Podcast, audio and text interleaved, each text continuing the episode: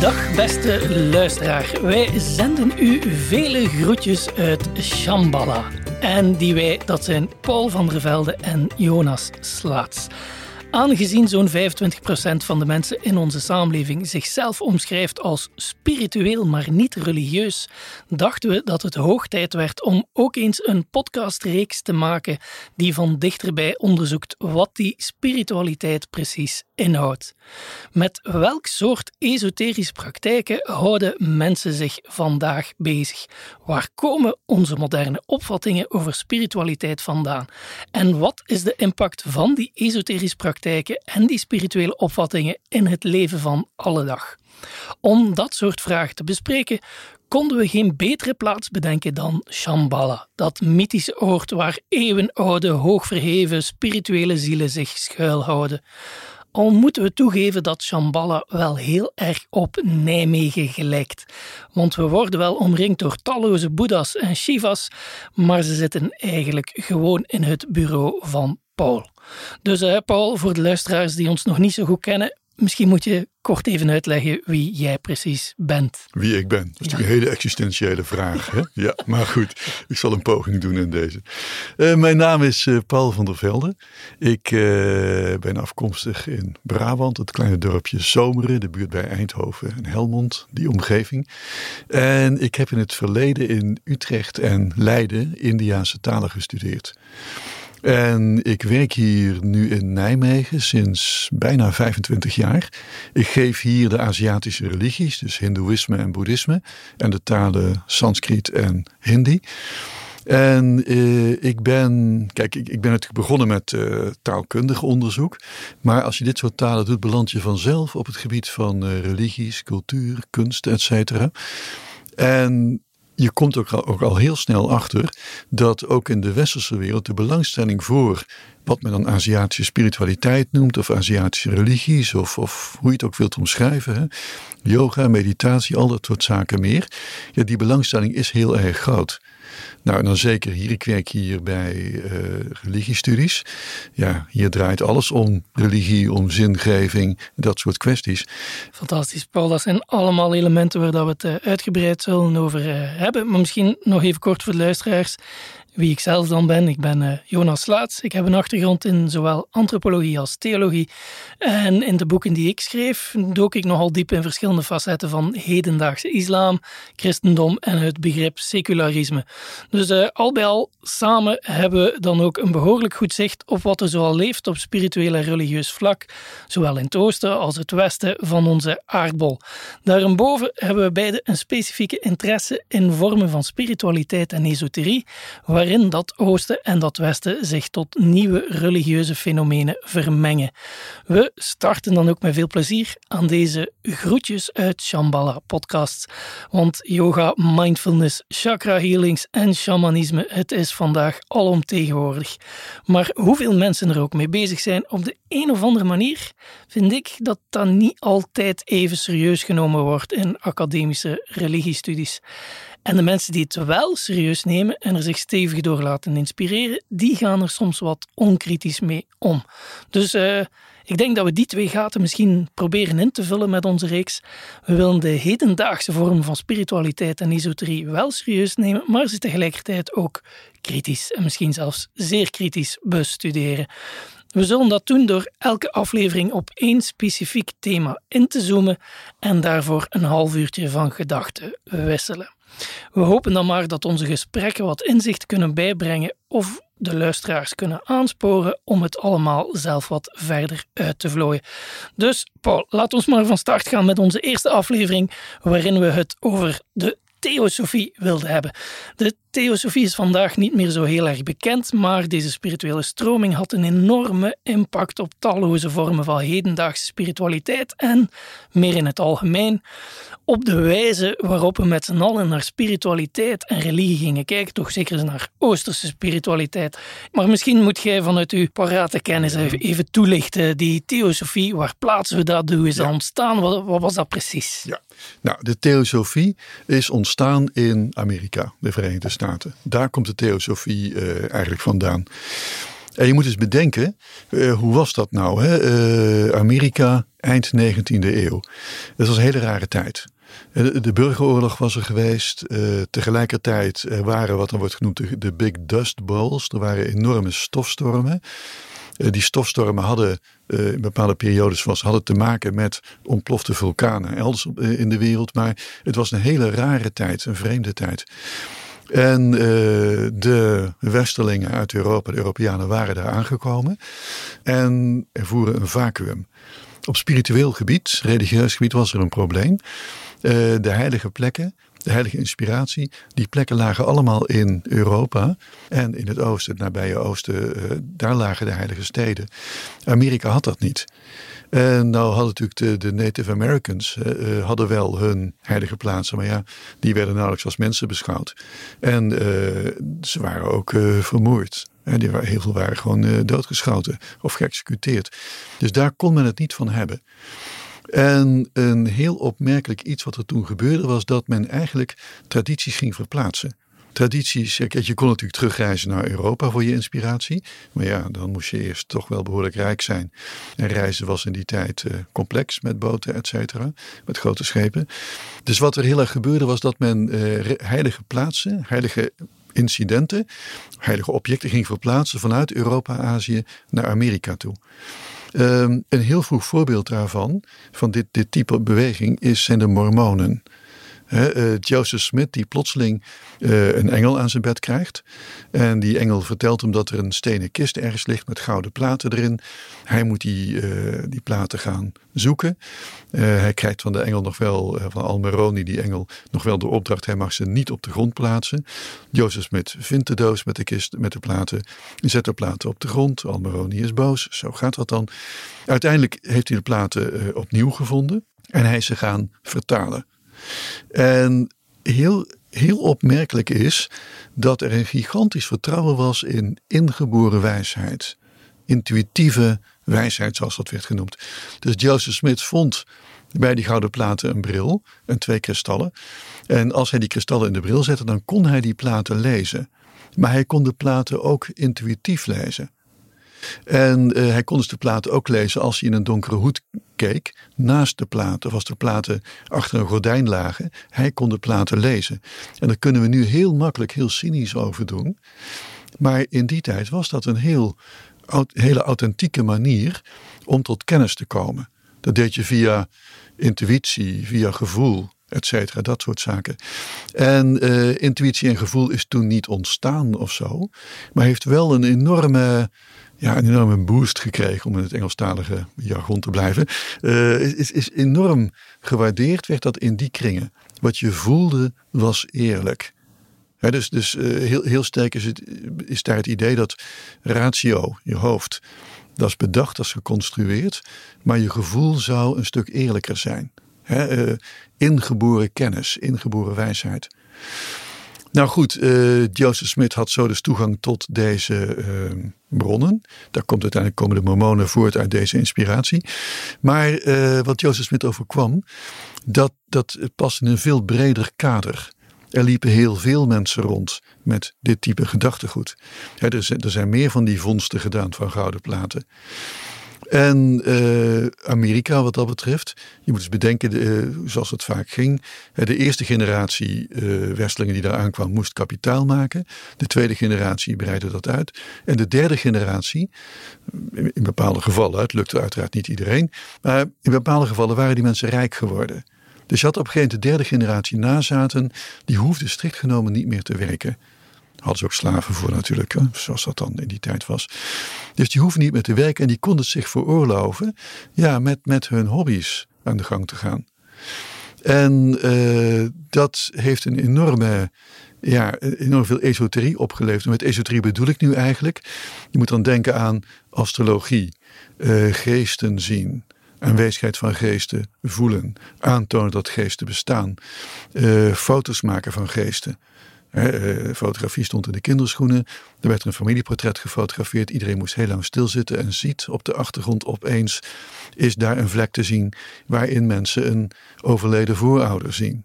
Um, er wordt een camera op een trap gezet op een plek waar af en toe geluiden te horen zijn. En ziet in de loop van de nacht blijkt er inderdaad, mensen in het wit gekleed, een geest de trap af te komen. dit type gedachtegoed. Ja, allerlei voorstellingen over uh, astrale reizen, al dit soort zaken meer. Kijk, die waren in Europa niet afwezig. Die, die, die, hebben, die waren de middeleeuwen in Europa ook aanwezig, dit soort gedachten. Maar die zijn in Amerika tot een hele grote bloei gekomen in de loop van de 19e eeuw. Nou, een hoogtepunt daarbinnen is de theosofie. En die zijn opgericht in 1875. Hè, Madame Helena Blavatsky en uh, Henry Olcott en William uh, Partridge Judge. Zij drie hebben die theosofie opgericht. En hun, de, de basisgedachte was eigenlijk dat er op allerlei verborgen plekken in het universum een soort universele, hele diepe kennis van de mensheid zou liggen. Maar die kennis was verborgen. Die was esoterisch, die was ook overschaduwd door allerlei nare culturele ontwikkelingen. Maar diep, diep, diep ergens, zeer afgelegen gebieden, maar ook daarmee diep in ieder mens zelf. Ja, is niet helemaal ieder mens, daar kom ik nog op. Uh, diep, diep in bepaalde wezens zou dus verborgen kennis liggen. En die verborgen kennis, die zou overeenkomen met de oudste kennis van de mensheid. En die oudste kennis wordt dan dus ondergebracht in gebieden als Atlantis. De verborgen bibliotheek van de verloren bibliotheek van Alexandrië. De bibliotheek van Cordoba. Van die geheime plekken. En daar zou die kennis te vinden zijn. En die kennis was dan niet alleen te vinden in manuscripten. Nee, die zat ook in bepaalde mensen. En welke mensen deze kennis nou belichaamden, in zich droegen, ja, dat kon je weer intuïtief voelen. En je komt iemand tegen, je kijkt die persoon in de ogen en je voelt gewoon, dit gaat over iets heel essentieels. En dat zijn helemaal geen vreemde ervaringen. Je, je, je komt wel eens iemand tegen waarbij je denkt, nou, die kijkt echt een dimensie verder dan wat ik hier op de universiteit heb geleerd. Die, die, die, die kom je tegen. Ik denk niet dat ik iets raars zeg als ik dat vertel. Heel veel mensen hebben dat wel Ik, ik ben ooit iemand tegengekomen die, die had dat. Die, die keek verder. Nou, het is dat genre gedachtegoed. Daar moet je heel sterk aan denken. Ja, en die, die theosofen die beschreven al hun idee natuurlijk in boeken, gelijk dat dat gaat. Maar uh, mensen zouden dan kunnen denken, oké, ik heb hier nog niet van gehoord, uh, heeft verder niet veel impact gehad. Het heeft extreem veel impact gehad, maar tot en met, die boeken zijn vandaag niet alleen nog beschikbaar. Het is een van de eerste boeken vaak die je kunt tegenkomen als je ik zeg maar, bij ons in de FNAC of uh, in, in, een boekhandel naar esoterie en, en, spiritualiteit gaan zoeken. Ik herinner mezelf, als ik 16 was, een van de eerste boeken die mijn broer cadeau deed, omdat hij dacht van, uh, mijn kleine broer is uh, aan het zoeken naar spirituele ideeën. Kijk eens daar, de Secret Doctrine van Madame Blavatsky. En dus ik ben daarin te lezen, niks vermoedende. En dat zag er ook mooi uit. En daar stonden voor mij op dat moment leuke ideeën oh, in. Ja, ja. Um, dus ideeën die nog altijd heel erg gangbaar zijn in de gemiddelde spirituele en New Age kringen vandaag, waardoor dat die ideeën ook heel vlot voor mij opneembaar waren. En dat zegt veel over wat de impact van die theosofie is. Dat, dat uitgevers nog altijd het gevoel hebben dat ze vandaag die boeken moeten uitgeven, de 16-jarige mensen, daarmee aan de slag gaan. Um, maar wat is de impact verder nog geweest? Want we hebben er ooit over gesproken en dan heb je gezegd dat ook de antroposofie is erop uh, gebaseerd. Ja. Uh, maar er zijn, er zijn nog wel groeperingen die oh, zich daarop uh, Ja, zeker. Kijk, de theosofie belandde dus vanuit Amerika ook in Europa.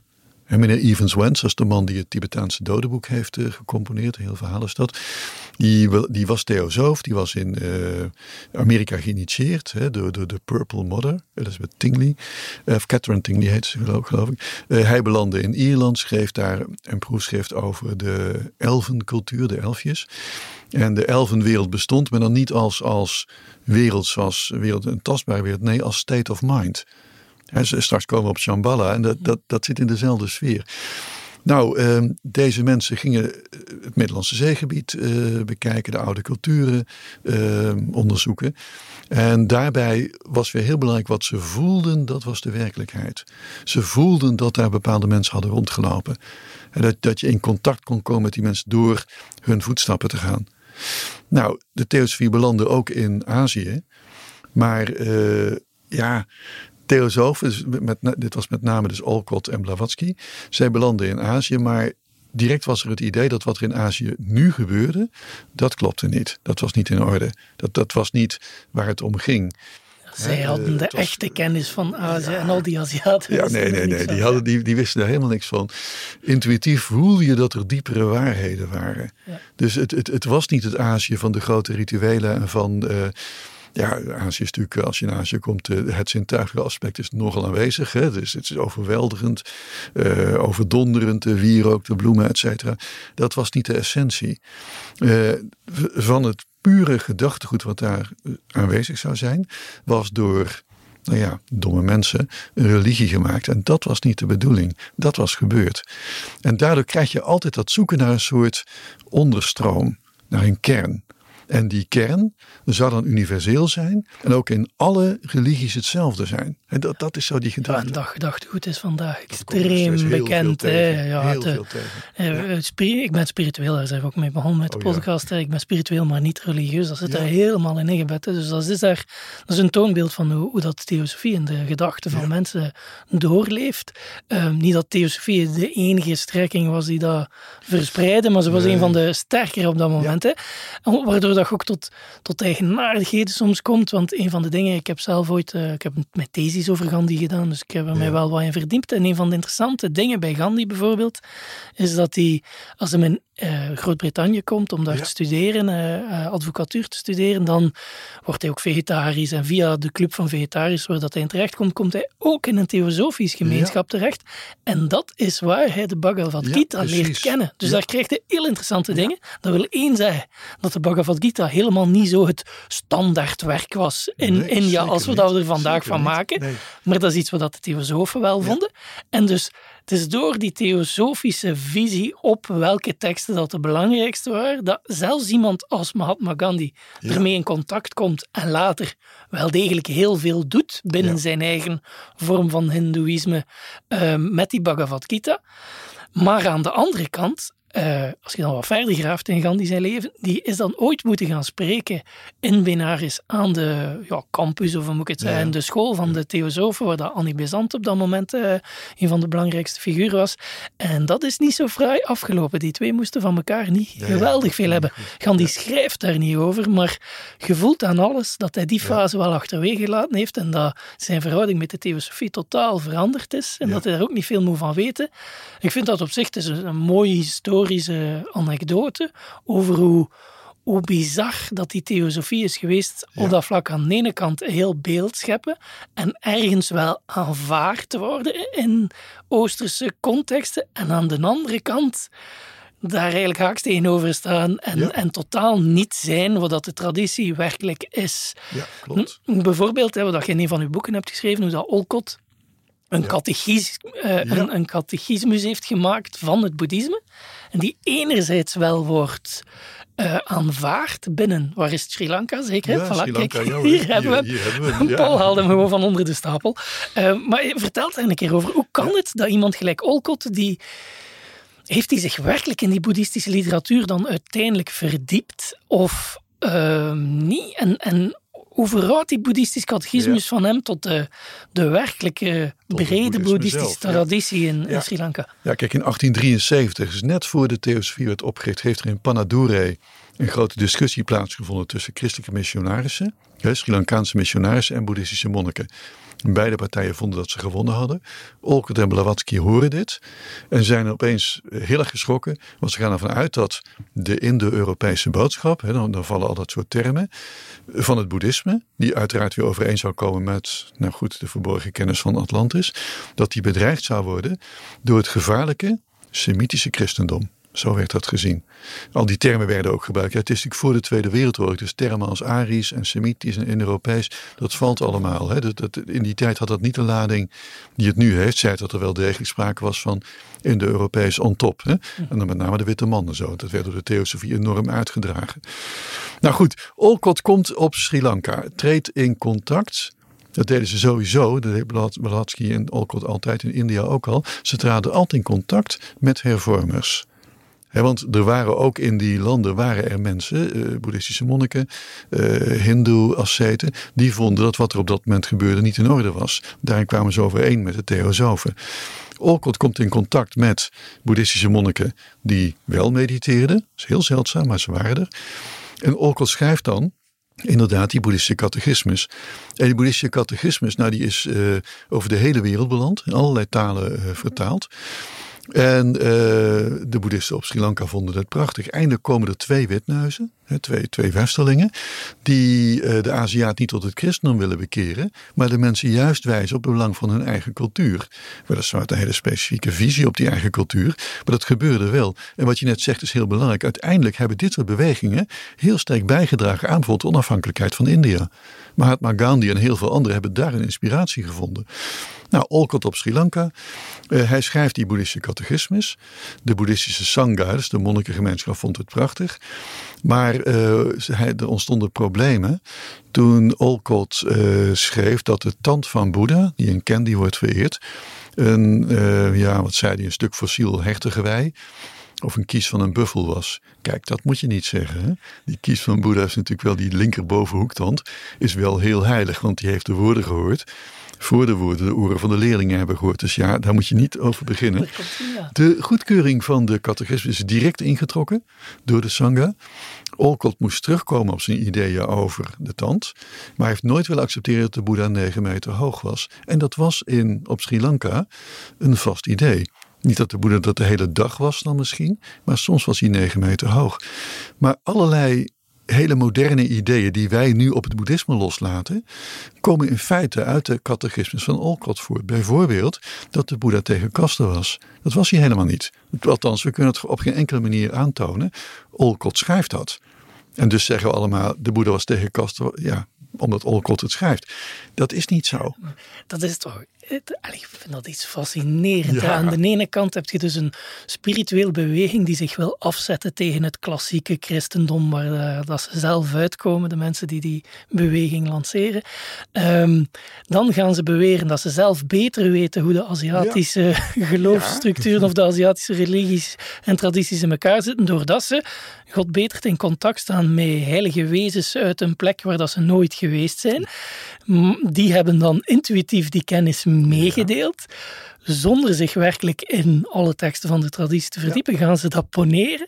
En wat ze dan doen, is eigenlijk een soort christianiseren van die tradities. Ze schrijven er catechismus over. Ze gaan Boeddha gaan voorstellen als een soort Luther die zich afgezet heeft tegen hè, de Brahmaanse priesterklasse in India. Zo, dat is dat soort idee dat ze dan propageren. Dus ze maken er dan uiteindelijk iets christelijk van. Hè. En want die figuren ook, dat vind ik ook zalig daaraan. En ze zetten zich af tegen het christendom, maar één, eh, die twee figuren noemen ze nu weer Moria en de... Moria en Hutgutumi. Ja, ja, ja, als je die bekijkt, de, de afbeeldingen die daarvan bestaan, dat zijn gewoon Christussen, maar dan nog wat fluffier. en dan zo... Uh, iets, boller en zo. Ja, ja, ja, zoiets.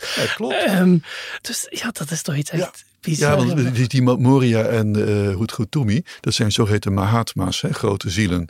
Ja. En dat is een Sanskrit-term. Maar ja, theosofen gingen sinds het uh, congres van religies 1893 Chicago, zijn zij Sanskrit-termen gaan gebruiken. En alle Indiaanse gurus die daar waren, zijn psychologische termen gaan gebruiken. Enorme kruisbestuiving. Maar Blavatsky met name zei dat ze in contact stond met grote wezens. En die kwamen dus uit dat geheime rijk van Shambhala Shangri-La. En die zochten dan mensen uit in de gewone wereld uh, om, om, om speciale boodschappen door te geven. En de hoogste persoon natuurlijk om dit te ontvangen was Blavatsky zelf. Ja, daar moeten we reëel in zijn. Blavatsky zelf was dat. En uh, eh, en Almoria zijn niet de eerste de beste. Een van de twee is Pythagoras geweest. En de andere Balthazar, een van de koningen die bij of een van de wijzen die bij de kerststal zou zijn geweest. Dus het waren belangrijke wezens die op allerlei belangrijke momenten in de geschiedenis aanwezig waren. En dan maar die kennis uitdeelden. En deze beide namen, er is, er is een enorme hiërarchie van Mahatma's. Kijk op internet maar je komt er een heleboel tegen.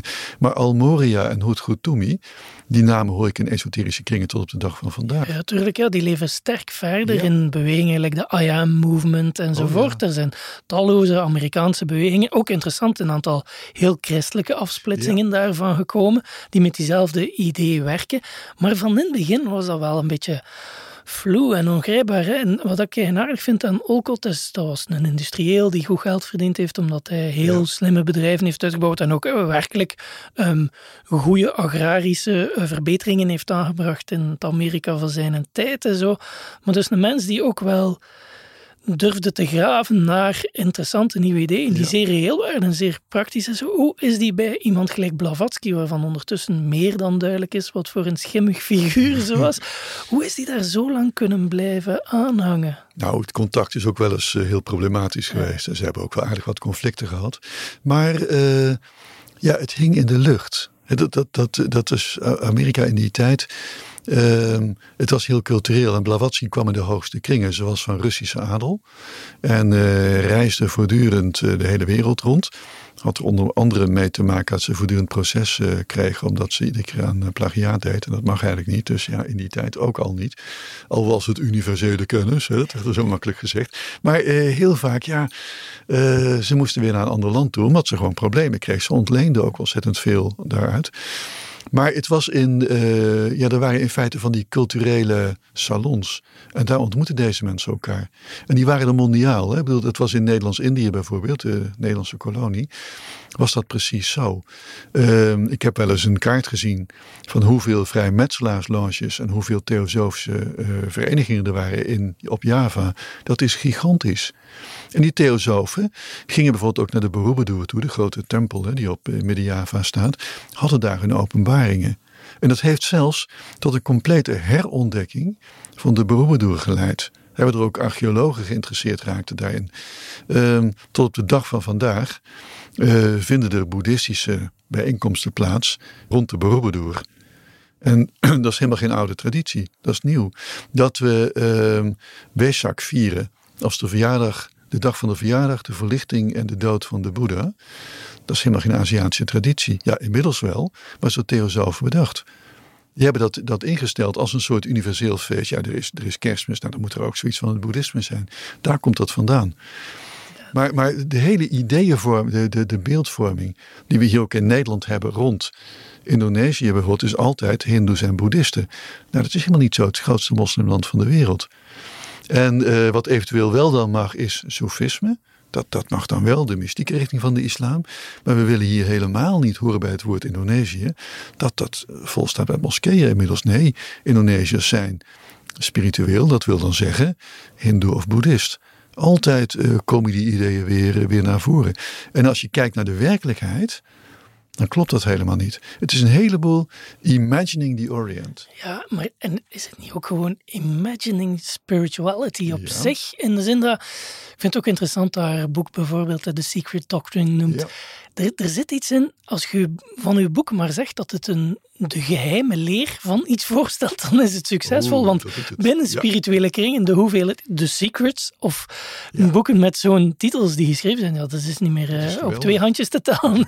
maar dus als die, die secret doctrines, die zijn eigenlijk helemaal zo secret niet meer. Maar op een of andere manier, als je dat maar genoeg zegt, is dat iets dat mensen willen. Ook al is al, en zoals dat zijn Engels dan mooi zeggen, een bepaalde stroming totaal debunked, dan, dan, nog, blijven mensen zich daaraan vasthouden. Ja, en ook de schimmige kanten er niet van willen zien. Hè. Die hebben we nog niet gans. Zodat, je hebt inderdaad verwezen naar zo... Ja, het is logisch, in die tijd, de rassentheorie waren heel sterk. Iedereen was daarin mee. Maar de theosofie is er ook wel eentje van elitarisme en zo... Als ze ook zeggen van in het oosten, dat is allemaal niks zodat die mensen doen. Dat is een beetje van, dat is het plebs, maar wij zijn de Verenigde Geesten. Ja, ja, ja. Oh ja, dat, dat speelt een enorme rol. Um, dan krijg je toch ook weer dat idee dat Aziaten misschien de kennis wel hebben met name de ervaren kennis, maar dat het de witneuzen zijn die het kunnen organiseren. En die, die ook, dat, dat, dat werd ook wel zo gezegd dat de Aziaten in feite met diamanten aan het werken waren. Maar dat het het westerse oog moest zijn wat de diamanten eruit pikt en zei: kijk eens, dat is waardevol en dat is waardeloos. Daar zouden de Aziaten zelf niet toe in staat zijn. Dat idee kom, kom, je echt nou tot op de dag van vandaag, eerlijk gezegd, tegen. En heel fraai is dat niet. Maar misschien nog een laatste die we nog niet gehad hebben en die daar een beetje op aansluit. Ik heb zelf dat is denk ik in alle spirituele literatuur die ik ooit gelezen heb in mijn leven, een van mijn meer uh, plezierige ervaringen, was de speech lezen die Krishnamurti gegeven heeft op een bijeenkomst van de Theosofie. Dus dan hadden ze weer zo'n hoge leraar gevonden, een jonge man nog, waarvan verwacht werd dat hij de nieuwe Maitreya was. Een soort van nieuwe Christusfiguur die eindelijk de geheime leer een keer werkelijk in de wereld ging verspreiden. Die ging het zijn, want zie een keer wat voor een intelligente jongen dat was. Het was ook een heel intelligente jongen. Ik weet niet hoe oud dat hij was op het moment van die speech, 20 of zoiets. ik zeg maar wel heel jong. En wat dat hij in die speech zegt is: Jongens, ik ben hier nu al een paar jaar voorgesteld als de nieuwe Maitreya. Maar uh, laten we duidelijk zijn: ik ben het niet. Nu mag het wel even gedaan zijn. Uh, kunt je misschien voor jezelf beginnen denken. En dan krijg je iemand die uh, doorheen zijn leven, in mijn ogen, zijn eigen filosofische systeem heeft opgebouwd. En zeer, op een zeer respectabele manier. En ook heel veel mensen heeft beïnvloed opnieuw op een zeer respectabele manier. Maar dat moet toch een ongelooflijke klap in het gezicht geweest zijn als die zogezegde diamanten waar moeten aan geschaafd worden. In één keer gaan zeggen van jongens, ik denk dat het niet juist had. En toch, en toch ja. kan, kan Krishnamurti wel zeggen, het helpt niet. Nee, nee Krishnamurti was toen naar Omme gehaald. Want je, Krishnamurti die is dus ontdekt. Kijk, dus de theosofie in Zuid-India, in Adyar. En daar zijn ze toen, eh, hebben ze een groot centrum gebouwd, dat is er nog steeds. En Ledbeater, dat is in feite de tweede generatie theosofie. Die liep uh, op het strand rond daar, kwam daar een jongen tegen, Nivedita. Die nam hem mee naar uh, zijn huis. En daar zat de jonge Krishnamurti als kind. En Ledbeater zei meteen, dit is de nieuwe wereldguru. Nou, Krishnamurti mee naar Adyar, is daar opgevoed. En uh, de antroposofie, de naam viel net al even, komt in feite voort uit de, op deze reactie. Die komt hieruit voort als reactie hierop. Want uh, Steiner, de stichter van de antroposofie, die vond dat een heel slecht idee. Zomaar een jongetje als nieuwe wereldguru, dat is het niet. Die is toen een eigen richting begonnen, antroposofie. En eigenlijk kun je zeggen, eh, een beetje grofweg sprekend, de antroposofie is de Duitse variant van de theosofie. Het theosofie stelde in Duitsland niet zo heel veel voor. Het was daar met name de antroposofie. En uh, ja, de kleine Krishnamurti is nog naar Nederland gehaald. Hier in Omme is hij geweest. Uh, hij droeg een prachtig linnen pak. Het was een mooie man om te zien. En mensen verwachten van alles. Maar Krishnamurti was alleen in tennisuitslagen geïnteresseerd. Er zijn nog allerlei theosofen bezig geweest om de diepe spirituele boodschap van de tennisregels te onderzoeken. Ja, echt waar hoor. En uh, nou ja, toen heeft Krishnamurti inderdaad gezegd: sorry, nee, niet ik. Maar dit, dit, is, dit is heel veel gebeurd. Rabindranath Tagore, de, de dichter, die prachtige poëzie heeft geschreven. Ja, die typisch intellectualistische sfeer van Oost-India, het intellectuele Calcutta, daar komt hij uit voort. Liep ook veel theosofen rond. Die Engelse sfeer hangt daar ook rond. Nou, Tagore zag eruit zoals theosofen dachten dat een Aziatische heilige eruit moest zien. Maar als je in Azië rondloopt, kom je nooit eens iemand zo tegen. Tenzij bij de theosofie. Imagining a, wise Oriental person. Nou, uh, Tagore is naar Bali geweest om daar het Hindoeïsme vorm te geven. Hij is naar Nederland geweest op uitnodiging van Frederik van Ede, de grote dichter. Frederik van Ede was in, aanvankelijk diep van hem onder de indruk, maar na een tijdje begon hij Tagore heel irritant te vinden. Hij zei, uh, ik zeg precies dezelfde dingen. En van Tagore nemen ze het wel aan, want die belichaamt dat uh, embodiment speelde een enorme rol. En van mij niet. Ja, grote witte baard helpt. Ja, precies, helpt hoor. Ja, het voegt gezag toe. Olcott had ook zo'n grote witte baard. Had ik de naam The White Buddhist. Het voegt toe hoor. Maar ja, embodiment speelt een enorme rol. En dat kom ik bij de neo-boeddhisten wat nog steeds tegen. Ik zie mijn leraar en ik voel, het deed me hier iets. Dan komt er ook een gebaar naar de borst toe. Het was mijn hart wat dat zei.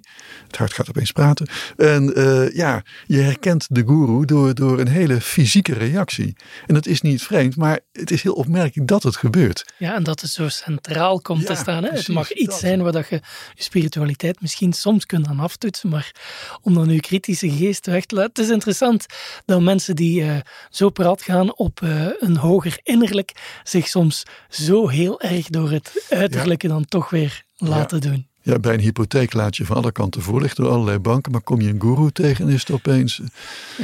Ik weet niet hoor.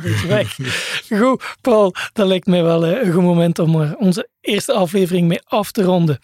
Zo, beste luisteraar, ik hoop dat jullie er evenveel plezier aan beleven als wij zelf.